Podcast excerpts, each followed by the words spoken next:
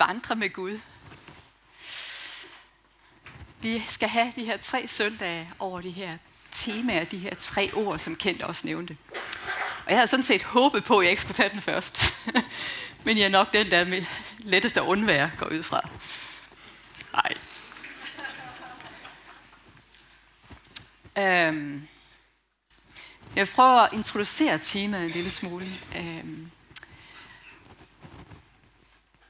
Mika 6-8, det er nok det vers, der oftest bliver citeret, når det handler om at finde vej.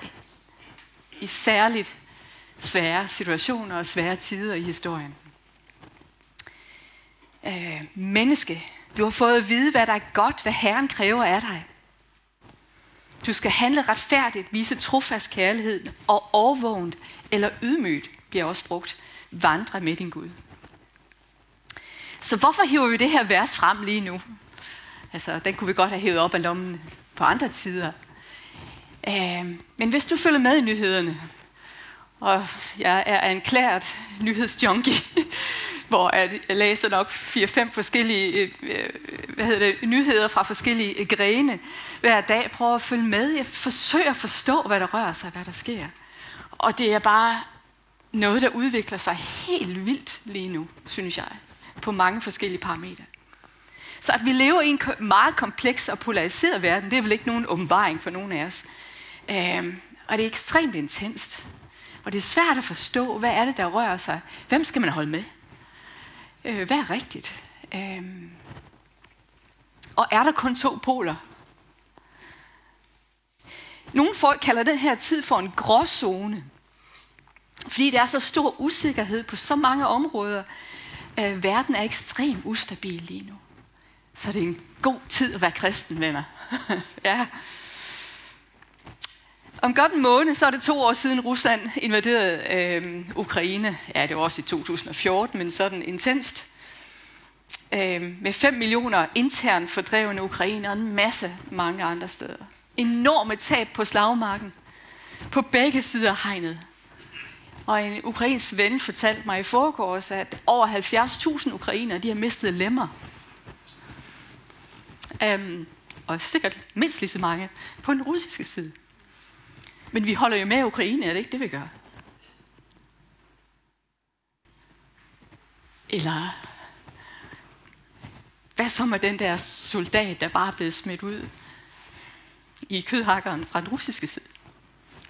Hvad med ham? Han har også mistet lemmer. Og der bliver også kraft på begge sider.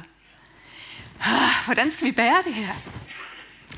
Længe der havde jeg det ukrainske, og nu jeg peger ikke fingre af nogen, men længe der havde det ukrainske flag også øh, på mit Facebook. Jeg holder med Ukraine. Jeg står med Ukraine. Men så var der en af mine russiske kollegaer, som forsøger at gøre det allerbedste fra den russiske side. Og, og der er enorme, ja, enorme behov på den russiske side nu. Og de, de har ikke ønsket sig Putin. Og de har ikke ønsket sig at komme i krig. Men så en russisk kollega siger til mig, Tove, jeg må bare indrømme, jeg holder af dig, men jeg har faktisk lidt svært med den der, hvad så med os? Med det der ukrainske flag. Hvad med os, altså os nede på jorden, russere? Nå ja, okay, jeg tog flaget af. Øhm, dagen efter Ruslands invasion, så tog jeg initiativ til sådan et bønnemøde øh, online. Det var bare en lille ting, jeg gjorde, fordi jeg var gal. Og faktisk noget med retfærdighed, når der er noget, der er uretfærdigt, det kan gøre os vrede. Og det er faktisk en gudgiven ting. Det kan være sådan en hellig vrede. Det får os op af stolen til at gøre noget. Ja? Og jeg fløj op af stolen. Jeg kunne bare, det her, det kan bare ikke være rigtigt, og vi må da kunne gøre noget. Og for min lille stol, min lille stue, så tænkte jeg, okay, vi kan da bede. Det er vi i hvert fald kaldet til, det kan jeg da forstå. Så jeg kaldte til det her bønnemøde, og øhm, med ja, Ungdom Opgave Youth Mission her i Europa, og og vi har faktisk mødtes lige siden. Altså, jeg havde håbet, det ikke skulle stå på mere end en måned, men nu er det snart to år, at vi har bedt tre gange om ugen. Øhm, med den her gruppe. Og, og vores hjerte, vi er gået fra, det, det er kun været Ukraine og alt den uretfærdighed, der er sket, til at, at Gud har masseret vores hjerte og siger, ja, jamen hvad så med uretfærdigheden også på den anden side, og, og, og dem, der er såret på den anden side? Hvad med den lille mand på den anden side? Så ja, vi er for Rusland. En dag, der bliver vi opfordret til at så bare lige lytte ind til Helligånden. Helligånden, hvem skal jeg bede for i dag? Er der en, jeg skal give en kram, sådan en, en forbønskrammer? Øh, og så okay, og jeg sad bare fortrøstningsfuld og ventede på, at Gud skulle give mig et billede af måske et lille barn Ukraine. Og så viste han mig Putin. Og så tænkte jeg, delete, delete.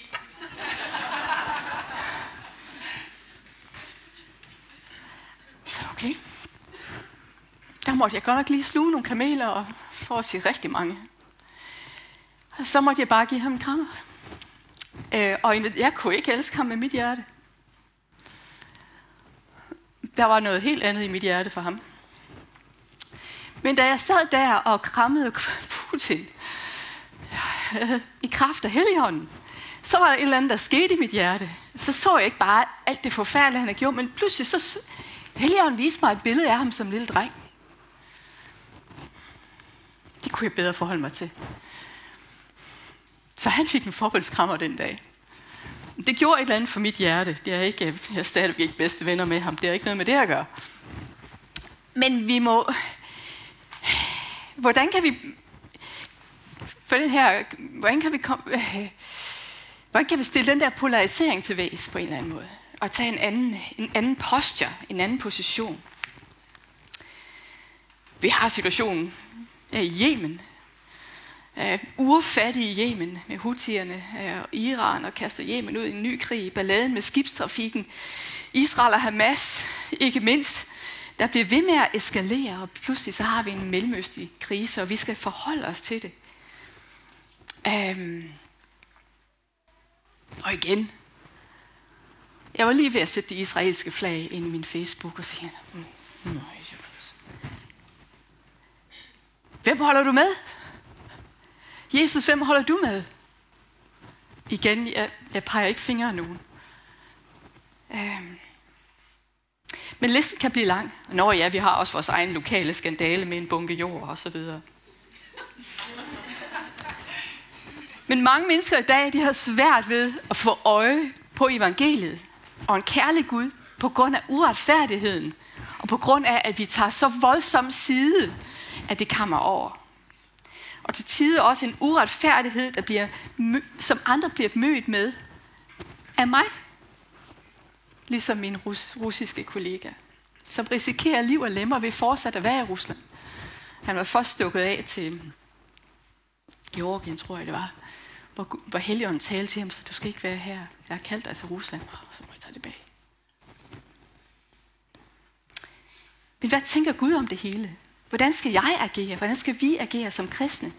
Hvem skal vi holde med? Så vi ønsker at lære Mika. Men lige først en lille bitte smule ham, om, omkring ham. Så Mika han er en profet i en lille landsbys samfund øh, sydvest for Jerusalem. Hans tjenester overlapper med, øh, med profeten Esajas. Men hvor Esajas han talte til byens elite, så talte Mika til de mere jordnære, de mere almindelige mennesker. Mikas budskab, det opfordrer folket til at lytte til Guds ord. Det kalder folket til at øh, ikke bare vælge lige, hvad deres hjerte synes, men kalder det til ansvar for ordet. Lytte til Guds ord, i stedet for deres personlige præferencer og forudtagethed.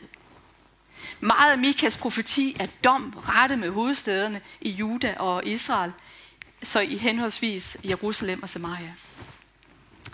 Deres ledere på den tid praktiserede og tolererede en falsk lære og en falsk teologi, hvilket førte til en forkert forståelse af Guds karakter. Og faktisk, det som, det som vi fremstiller her, det er faktisk Guds karakter. Ja. For hvem er Gud med? Hvem holder han med? Det kommer vi til. Så det førte til den her forkerte forståelse af Guds karakter, og som følge heraf retfærdighed mod de fattige, eller uretfærdighed mod de fattige.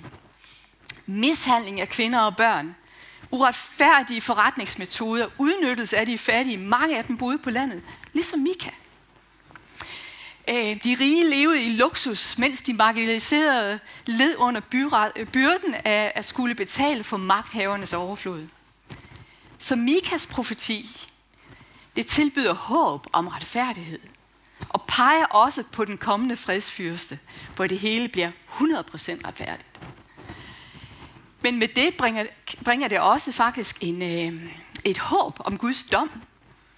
Fordi Gud han dømmer retfærdigt. Der er håb i det. Retfærdig dom er smukt.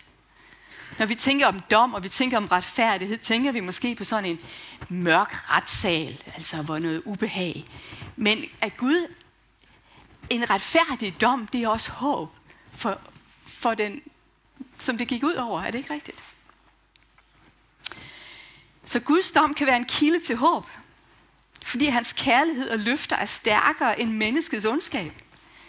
Så Guds ultimative formål er ikke at ødelægge, ødelægge men at frelse og forløse.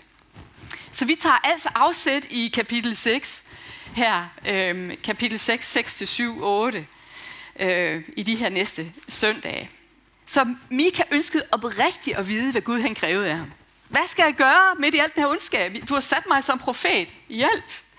Sådan tænkte jeg også her til morgen. Hvad skulle, jeg, hvad, hvad skulle han gøre som profet i en uretfærdig tid med korrupte ledere? Vi kan også spørge Gud, Gud, hvad kræver du af os i den her tid? Som global kirke i en svær tid. Hvordan kommer vi den her polarisering til livs? Og hvordan kan vi være fredstiftere? Nu kommer den første slide her. Så fordi Mika spørger, hvad har menneskeheden at tilbyde? I tiden nu, altså nu mellem øh, altså mellem elendighed, som vi har, og så mellem den tid, vi er i nu, og Guds retfærdige dom og Guds kommende rige. Komme dit rige, ske din vilje på jord, som den sker i himlen. Er det ikke det, vi beder? På begge sider af hegnet. Også på begge sider af hegn mellem mig og min nabo. ikke også? På alle sider af alle hegn. Så hvad, hvad er det, han kræver? Mika siger, hvordan retter vi op på det her? Hvordan forsoner vi os med Gud? Hvad skal jeg gøre? Hvordan skal jeg træde frem for Herren? Hvordan skal jeg, skal jeg bøje mig ned for Gud i det høje? Er der sådan en eller anden religiøs gymnastik, jeg skal gøre? Skal jeg træde frem for ham med brandofre med overgamle kalve? Tager Herren imod vædder i tusindtal, imod oliestrømme i, i 10.000 tal? Skal jeg give min første fødte for mine overtrædelser, min livsflugt for min søn? Hvad skal jeg gøre? Det lyder måske noget fremmed, det her sprog. Mika står som Guds profet og repræsentant. Tænker, at Gud må være vred. Jeg tror også, Mika er ret sikker på, at Gud er vred over den her uretfærdighed, der sker. En hellig vrede over den uretfærdighed og smerte, han så på jorden. Tænk på, at Gud han ser det hele. Han kan ikke slukke for, telef- han kan ikke slukke for jeg skulle sige telefonen, jeg også den, men tv'et. Uretfærdige og grådige ledere. Han ser, hvordan vi behandler hinanden, dræber, mishandler hinanden, død og ødelæggelse. Så til os i 2024, Gud han fortsætter med at tale til sit folk. Hvad de skal gøre i mødet med uretfærdighed, udnyttelse, racisme, dårlig behandling, og hvordan at forskellige befolkningsgrupper de bliver fremhævet, fremelsket, og andre ikke. Hvordan skal vi behandle de fattige, de svage i samfundet? Så jeg tror, Guds svar til Mika, det er også Guds svar til os. Hvad kræver det af os? Vi skal måske ikke ofre vores kalve, men måske den nye bil eller et eller andet, jeg ved det ikke, hvad tanken er i, i sammenligning. Men Gud han svarer nej. Her er svaret. Næste slide. Gud svarer til Mika. Så nej, nej, nej, nej, nej, det, det er ikke det, jeg ønsker. Det er ikke sådan, jeg vil tilbes. Nej, ikke dine gaver. Ikke dine ord. Ikke endda din mest dyrebare ejendom, og du kan lige tænke på, hvad det er. Men menneske, jeg kan godt lide det her, menneske. Du har fået at vide, hvad der er godt, hvad Herren kræver af dig. Du skal handle retfærdigt, du skal vise trofast kærlighed og overvågen vandre med din Gud. Ydmygt vandre med din Gud. Han har ikke brug for religiøse eller mekaniske løsninger. Sagen kan ikke fikses med 10 gange faste og en Tesla. Vi får lidt af den samme besked i ordsprogene 21.3, der står der, at der øves retfærdighed og ret. Det er mere værd end slagtoffer. Det Gud forventer af Mika og af os. det har vi valgt at fordele over de her tre søndage. Du skal handle retfærdigt, altså kæmpe mod eller kæmpe for det gode og, uretfærd, og imod uretfærdighed, vise tros, øh, trofast kærlighed og overvågent ydmygt vandre med din Gud. Og de tre ord eller handlinger er ikke tiltænkt til at stå alene. Lidt som uh, tro, håb og kærlighed, de der tre ord hænger ligesom sammen. De her tre, nu, jeg lægger vægt på retfærdighed i dag, men de står sammen med de, med de, med de to andre. Vi må handle retfærdigt, men glem ikke at gøre det i trofast kærlighed og ydmyg, i en ydmyg relation til Herren. At vandre med Herren, det er en relationel, lyttende øvelse, men også praktisk. Hvilken vej tager han nu? Hvad tænker han? Hvordan skal jeg agere? Som sagt, i dag tager vi hul på retfærdighed. I dag er det ikke et ståsted, øh, tager vi ikke øh, et ståsted som landets regering eller ledelse. Det er ikke den del af retfærdighed. Vi, te, vi ser ikke så meget på, øh, hvad politiet gør osv. Vi vil godt lige tage den her slide. Øh, øh, bare for at sige, det er ikke lige så meget det her, vi kommer til at se på i dag. Men hvis det er som, du arbejder inden for øh, retsvæsenet, politiet, inden for politik, så kunne man nok godt lige læse de der første bøger, for der lærer vi om, hvad Gud han tænker om øh, det, der sker i Israel. Han, han jagtager, hvad der sker, og hvordan Israels ledere de agerer, og hvad han tænker om det. Det synes jeg er fantastisk. Og så har vi de næste tre bøger og tre personer. Det er altså politiske ledere i Israel. Eller de er ikke så meget ledere alle sammen, men hvordan de agerede i det politiske rum. Nehemias, Esther og Daniel, det gjorde de. Og de arbejdede ikke for noget kristenparti eller regering. Det viser Bibelen i hvert fald ikke. Øhm, så igen, det er ikke så meget det, vi lige skal se på, men hvis du arbejder inden for det, så tag lige et billede af det der, og så gå hjem og læs. Så i Bibels forstand, så udleves ordet retfærdighed ved at gøre det rette. Retfærdighed er først og fremmest en relationel, et relationelt ord. Det er Bibels retfærdighed, er først og fremmest ikke en liste af punkter eller en række af regler og retningsregler, men at stå i ret relation til. Stå i ret relation til Gud. Stå i ret relation med mennesker. Til jorden. Det er jo den bunke jord, vi snakker om. Og i ret relation også til os selv. At leve retfærdigt er at elske vores næste, uanset hvilken side af hegnet vedkommende befinder sig på. Elske vores næste, som vi elsker os selv. Og det har sin rod i Guds karakter og natur. Ligesom Gud er retfærdig og kærlig, bliver vi kaldet til at praksisere retfærdighed og kærlighed. Gud er 100% nådig og barmhjertig, men han er også 100% retfærdig. Så Bibels retfærdighed tager altså afsæt i Guds egen karakter, som aldrig er mindre end retfærdig. Så Guds retfærdighed er både gengældelse, det er en dom, og det er en genoprettelse. Er I med for den? Det er både at dømme den, den skyldige, men det er også at genoprette den, som det er gået ud over. Guds retfærdighed i Bibelen straffer ikke kun ondskab, men den genopretter dem, der er ofre for uretfærdighed. Er det ikke smukt? Det er interessant, og fantastisk, at, at den Guds genoprettende retfærdighed er langt mere fremtrædende i Bibelen end hans dom, eller hans hævngærighed over det onde, hvis du kunne sige det sådan. Øhm. En anden facet af Bibels retfærdighed, det er en universel lighed. På den måde, han siger, at vi er alle lige. Du har lige vi er lige værd. Bibels retfærdighed kræver, at hver person behandles efter de samme standarder og med samme respekt, uanset klasse, race, etnicitet, nationalitet, køn eller en anden, en hver anden social kategori. Han siger, at vi er alle lige. Hvorfor? Fordi vi er skabt i hans billede. I må ikke øve uret, står der. Det er 3. Mosebog 19. I må ikke øve udret i retssager. Du må hverken tage parti for den, den fattige eller begunstige den rige. Bum. Du skal dømme dine landsmænd med retfærdighed. 5. Mosebog 16, 19 siger, du må ikke bøje retten. Du må ikke begunstige nogen, og du må ikke lade dig bestikke.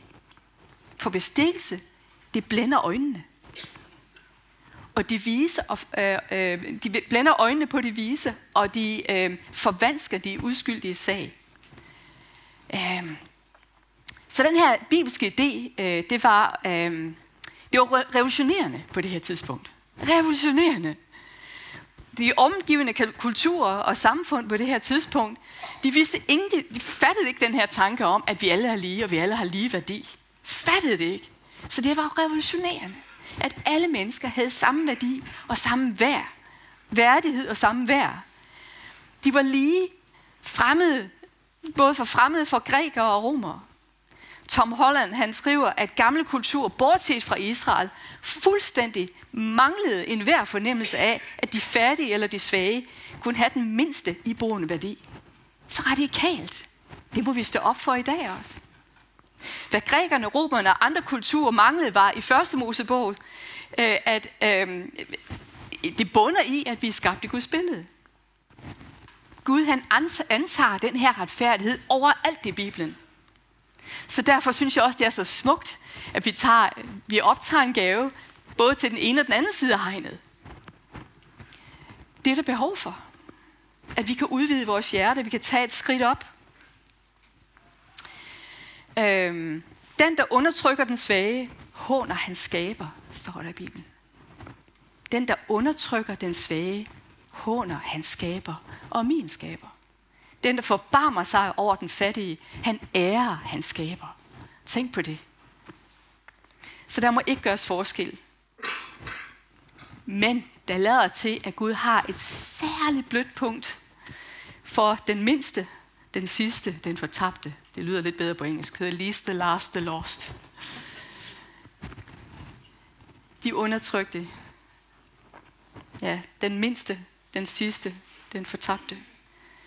Men Jesus chokerede alle ved at modtage og behandle alle klasser af mennesker med lige stor kærlighed og respekt. Derfor stod Jesus altid op for de mindste, de sidste, de fattige. De fortabte, de fattige, ja. Samaritanerne bliver jøderne set som racemæssigt underlegne. Øh, men to gange så placerer Jesus samaritanerne og jøderne på samme niveau. Og det havde jøderne godt nok svært ved at sluge. Jesus han udløste et oprør, da han erklærede, at Gud elskede hedningerne lige så meget som jøderne. De er lige så meget udvalgt. I det nye, testament, i det nye testamente, der, der siges der, der bruges ordet udvalgt udelukkende af dem, der følger Jesus. Uanset race. Så Guds velsignelse er ved noget at tro, ikke ved gerning eller race. Eller etnicitet. Udelukkende ved tro. Så Jesus han rakte ud til de spedalske, som var socialt udstødte. Han rørte ved dem. Han trodsede de sociale forbud. Øh, resten af de nye testamente følger Jesus-reglen. Venner, I kan ikke tro på Herren Jesus Kristus, den her, herliggjorte, og så gøre forskel på folk. Gennemsyret hele vejen igennem. Et andet bibelsk princip, når det gælder retfærdighed, det er, at at vi bliver kaldet til at være fortalere og stå op for dem, de undertrykte. Dem, der ikke har nogen stemme. Øh, de fattige. Du kan tænke på, hvem der ikke har nogen stemme. Øh, der står, lykkelig den, der har omsorg for den svage. Så det troende, hvis vi må være opmærksomme på de svage og de fattige. Søge at forstå årsagerne også til deres tilstand og bruge tid og energi på at ændre deres livssituation. Øhm. De svage sag ligger den uretfærdige på sinde, men den uretfærdige forstår ingenting, står der i ordsprogene. Der kunne siges meget mere om emnet, men det eneste nødvendige for, at ondskaben kan sejre, der er en slide her, det er, at gode mænd intet gør, mænd og kvinder intet gør. Ups, det var ikke den. Øh, den er et eller andet sted. Øhm. Nej, ikke øh, Ja, men det eneste nødvendige for, at ondskaben kan sejre, er, at gode mænd, parentes og kvinder, intet gør, siger Edmund Burke. Gandhi han har faktisk forkortet det. Han siger, det onde sker, når gode mennesker intet gør. Så med det, så kan vi altså ikke, der er ikke nogen øh, invitation til at være passiv. Øhm, og så siger Blaise Pascal, du er vi over filosofens verden, men jeg tror, det er rigtigt. Mennesker gør aldrig onde gerninger så glad og gerne, som de gør dem ud fra en religiøs overbevisning. Øh, og det gælder faktisk på alle sider af hegnet igen. Men hvad så med mig? Hvad så med os? Jeg skal ikke udtale mig, mig om dig, men jeg er en vatnisse. Og langt fra frygtløs. Hvordan involverer jeg mig i at handle retfærdigt og kæmpe mod uret? Mange kristne har en stærk retfærdighedssans, særligt over for os selv. Hvis der er nogen, der trykker på mine tæer, så skal jeg nok stå op for mig selv, men står jeg op for andre? Er jeg villig til at kæmpe for andres retfærdighed?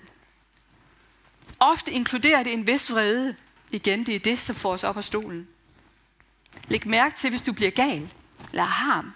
Det kan jeg faktisk godt gøre også bare i en film, over for det, hvad der sker uretfærdigt. Men så bare lige tjek med helgeren, hvor kommer det her fra? Er det helgeren, der sparker til mig? Det kan være en tilskyndelse til at handle, så en hellevrede får dig til op af stolen. Hvordan kan det se ud for os? Jeg tænker først og fremmest, så må vi tage imod Jesus retfærdighed og komme i ret relation til Gud. Og gå ydmygt med ham og lytte til ham. Den retfærdighed, som kun kan modtages gennem Jesus. Men derefter så må vi vende blikket mod jorden og være redskaber for hans retfærdighed og hans fred. Så der er kald til, det der er en kald til handling. Ikke at være ligeglad eller passiv, når andre, især de mest sårbare, de misbruges, mishandles, er i nød, foragtet eller udnyttet. Her kan vi bede Helligånden om hjælp til at vække vores hjerter. Og også bede ham om at vise os, hvem vi skal stå op for. Det kan være en i din klasse. Det kan være en på arbejdspladsen. Det kan også være at fly i blækhuset og skrive til Amstavisen. Det kan være, øh, eller Facebook. Øh, men, men, lad os, men lad os være øh, fredstiftere. Så det er vigtigt at vandre med Gud. Så vil han vise os, hvem vi skal stå op for. Ofte tænker jeg, at det ikke er let at vide, om det er helgenen, der prikker til os, eller om det er vores samvittighed. Men det lader til, at de to de har lidt af et samarbejde, har jeg fundet ud af. Er det ikke sådan? At, øh, så tjek lige. Og hvis vi overdøver samvittigheden og helligånden alt for mange gange, så går vi hen, og så bliver det sværere og sværere at lytte til ham. Så, så fang den handel på det, når det kommer. Nu kommer Wilberforce. Jeg ved ikke, hvordan det er lige er blandet sammen her. Så Wilberforce, han stod op for slavehandel. Han sagde, det der, det kan simpelthen ikke være rigtigt. Og han kæmpede, øh, jeg skulle sige til hans død, for han blev faktisk syg af at kæmpe så hårdt. Men det er så, det er lidt en, øh, øh, et andet niveau, end de fleste af os sikkert. Hvis vi tager den næste igen. Så har vi Robbie, ham der Roberto, en af mine øh, venner og tidligere kollegaer. Han, han så, hvor mange, der havde mistet lemmer. Det var så i Afrika for nogle år siden. Så det kan ikke være rigtigt. I Schweiz, der koster et nyt ben, en protese, 30-40.000 kroner. Det kan vi jo ikke give til alle de her afrikanere. Så han bad Gud, så han blev vred på de undertrykte, de sårede, de svage. Øh, og så kom han i kontakt med nogen, som kan, kan lave lemmer til en helt anden pris. Nu laver han tusindvis af lemmer til Afrika på, på hele det afrikanske kontinent, og han kan lave en vældig godt fungerende benprotese til 200 dollars, 13-1400 kroner. Så jeg forsøger at få ham i kontakt med dem i, i Ukraine nu. Men det var, han stod op for det, og der er en ting, han siger, ham her, øh, han siger, Robbie han siger, ved at adlyde Guds kald og ledelse, har jeg modtaget det, mit hjerte mest længes efter. Han er en glad mand. Ved I hvad? At gøre det retfærdige, det gør dig glad. Ja, selvom du er bange. Måske i det, du træder ud i.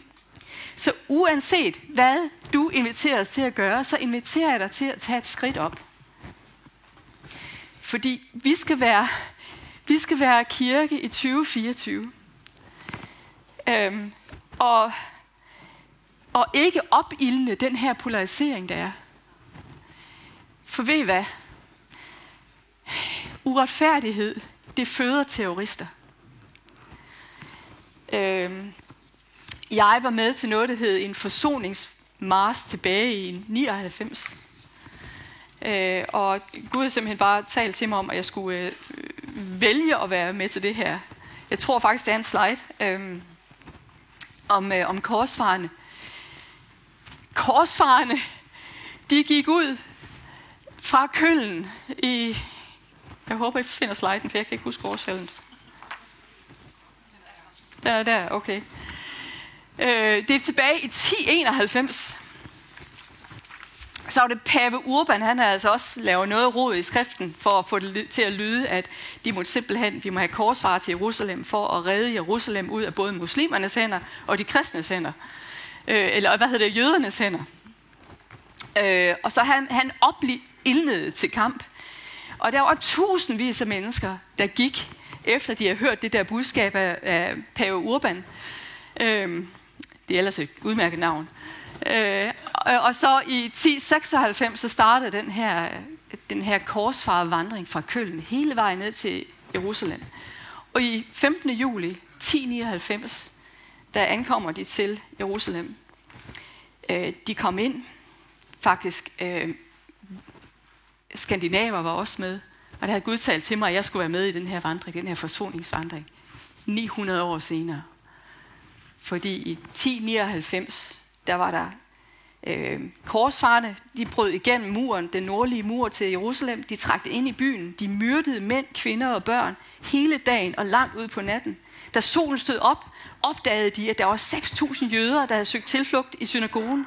De satte synagogen i brand og brændte alle 6.000 levende. De overlevende muslimer, de var flygtet ind i Al-Aqsa-moskeen i den sydøstlige del af byen. Korsfarne bankede, på muren, øh, bankede muren ind og myrdede 30.000 muslimer, er det anslået. Blodet flød ud af moskeen, som en flod stod der i historiebøgerne. Resultatet af den her massakre, mange år senere, over 900 år senere, folk er stadigvæk vrede af det over den. Derfor så er det stadigvæk svært for folk at se korset, fordi de tænker på det her, muslimerne tænker på det her. Så jeg havde det her privilegie at gå med et budskab 900 år senere.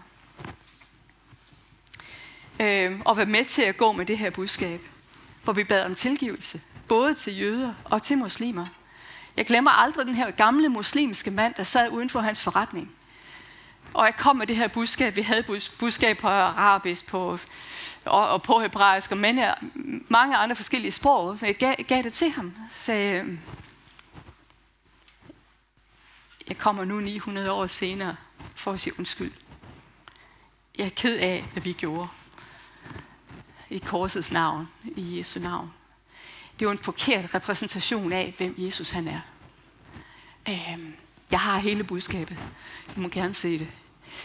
Så da jeg gav det her til den her gamle mand, tårerne bare flød ned af kinderne. Det var som om det var sket sidste uge. Det var 900 år senere. Så han tak, sagde han med begge hænder. Han tog mine, mine hænder. Tak, sagde han. Det var du længe om. Men bedre sent end aldrig. Jeg tager imod det. Øhm, uretfærdighed føder terror. Og uretfærdighed føder uretfærdighed. Øhm, så kan vi være i stand til at møde folk lidt på samme måde. Det er mit spørgsmål. Så mit hjerte har været på en vandring, også som jeg sagde med Ukraine, men den her øh, vandring øh, i, øh, ja, i Jerusalem, men fra den libanesiske grænse til Jerusalem, den gjorde noget ved mig. Øh, hvem holder vi med? For han er på vores side, er han ikke? Men lidt som, lidt, lidt som dengang med Josva, han opholdt sig i nærheden af Jericho og så en mand, der med draget svær og spurgte manden, Hører du til os, eller er vores fjender? Og så sagde manden, ingen af delene. Ja, ingen af delene, siger han. Jeg fører Herrens her. Herrens her holder ikke nødvendigvis med den ene eller den anden side. Jeg tror, at Herren kalder os til at tage et skridt op. Til at være, handle profetisk. Og holde begge sider, hænder på begge sider af hegnet. At vi skal være fredstiftere. At vi kan græde med folk på begge sider af hegnet. Hmm. Hov, hvad er nu det? Så her åbnes altså for en tredje mulighed. Så vi kan så også spørge Jesus, Jesus, hvem holder du med? Her har vi en slide igen. Han siger, min far har sendt mig for at bringe godt budskab til fattige og lægedom til dem, hvis hjerte er knust, for at udråbe frigivelse for fanger og løsladelse for lænkede, for at udråbe et noget over for Herren. Hmm. Han kan ikke svare på, hvem han holdt med. Han, han gav ikke en nationalitet, gjorde han det? Han sagde bare, altid, altid holder han med de fattige. Altid holder han med de syge. Altid holder han med de undertrykte. Så da jeg, jeg turde ikke lægge det ud online, så er jeg nok blevet flænset. Men da, da jeg så alle de her forfærdelige mange mennesker, der er blevet både dræbt uskyldige i befolkningen, i, blandt det palæstinensiske folk, så kan jeg ikke, hvis jeg rækker ud til dem, så, og jeg har sagt det til et par stykker, så siger jeg, jamen det var uretfærdigt, det i Israel, hvad der skete med israelerne. Jamen det er det. Det var slet ikke det, jeg snakker om. Er I med? Jeg prøver ikke at, jeg prøver ikke at agere politisk eller militær noget som helst. Jeg siger bare, de der folk, de skal altså have mad. Jamen Israel, de har ret til at forsvare sig selv. Ja, det har de, det er heller ikke sagt. Så kan vi, kan vi øve os i at tage nogle skridt op? Ja? Jeg tør ikke længere, fordi jeg er lidt nervøs.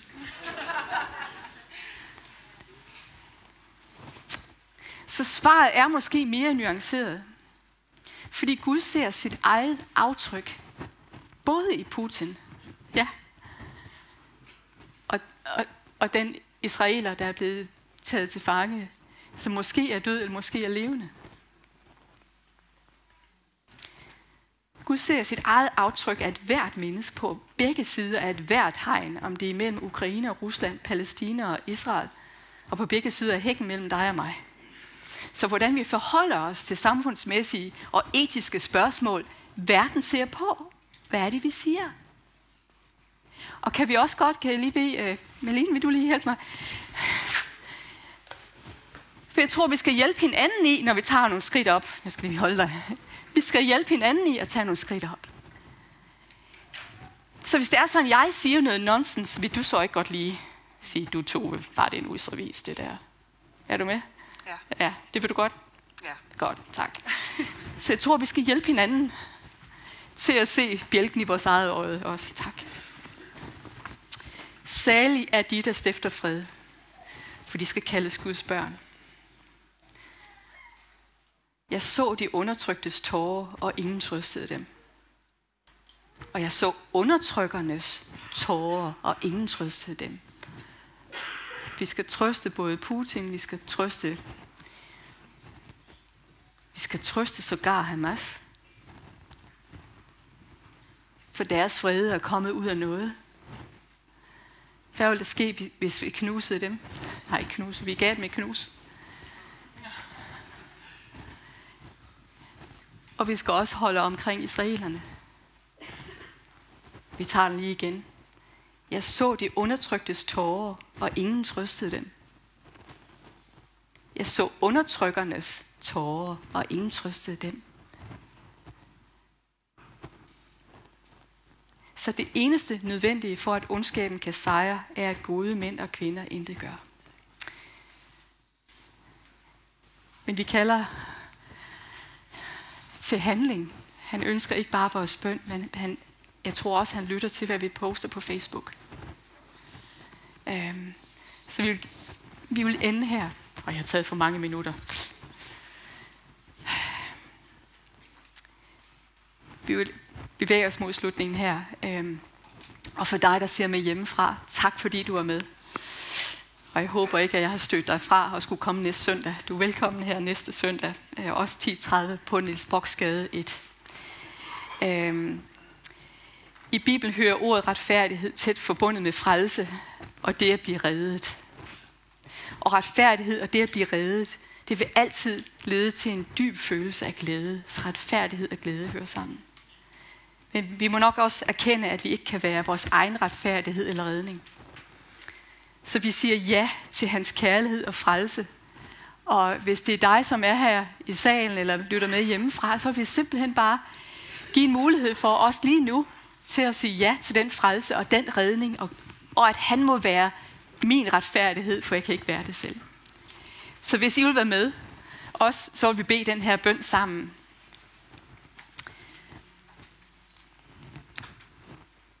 Kære Jesus, tak fordi du har skabt mig og elsker mig. Og selvom jeg har valgt at gå min egen vej, jeg erkender, at jeg behøver dig i mit liv, og beder dig om at tilgive mig. Tak fordi du døde på korset for min skyld. Jeg ønsker at følge dig. Kom ind i mit liv og gør mig til et nyt menneske. Jeg tager imod din frelse. Jeg tager imod din redning. Amen. Hvis du har bedt den her bøn for første gang, så vil vi meget gerne tale med dig. Det kan være herover, hvor der er forbøn lige om lidt, eller du kan ringe ind på det nummer, som øh, kommer på skærmen om et øjeblik. Der vil være mulighed for forbøn online på det her nummer, øh, men også for os herinde. Og det vil forgå, øh, foregå herover både, altså både live og online. For begge steder så gælder det, at vi vil gerne bede for dig, hvis du er syg, hvis du er bekymret for et eller andet, der er noget, der tynger, hvis der er et eller andet, der har rørt dig her til morgen.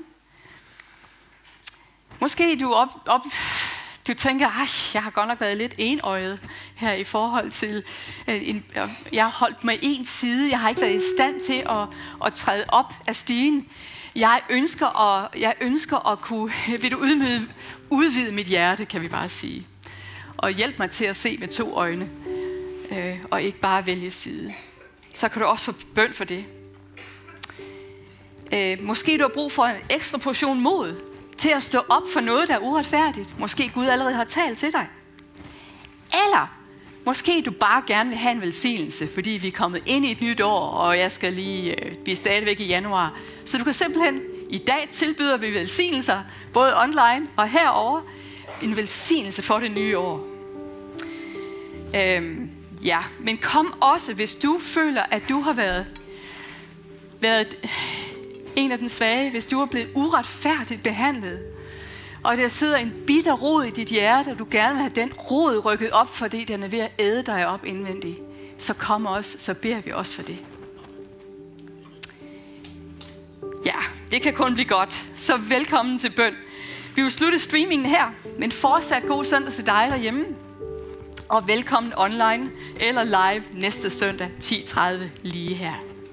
Amen.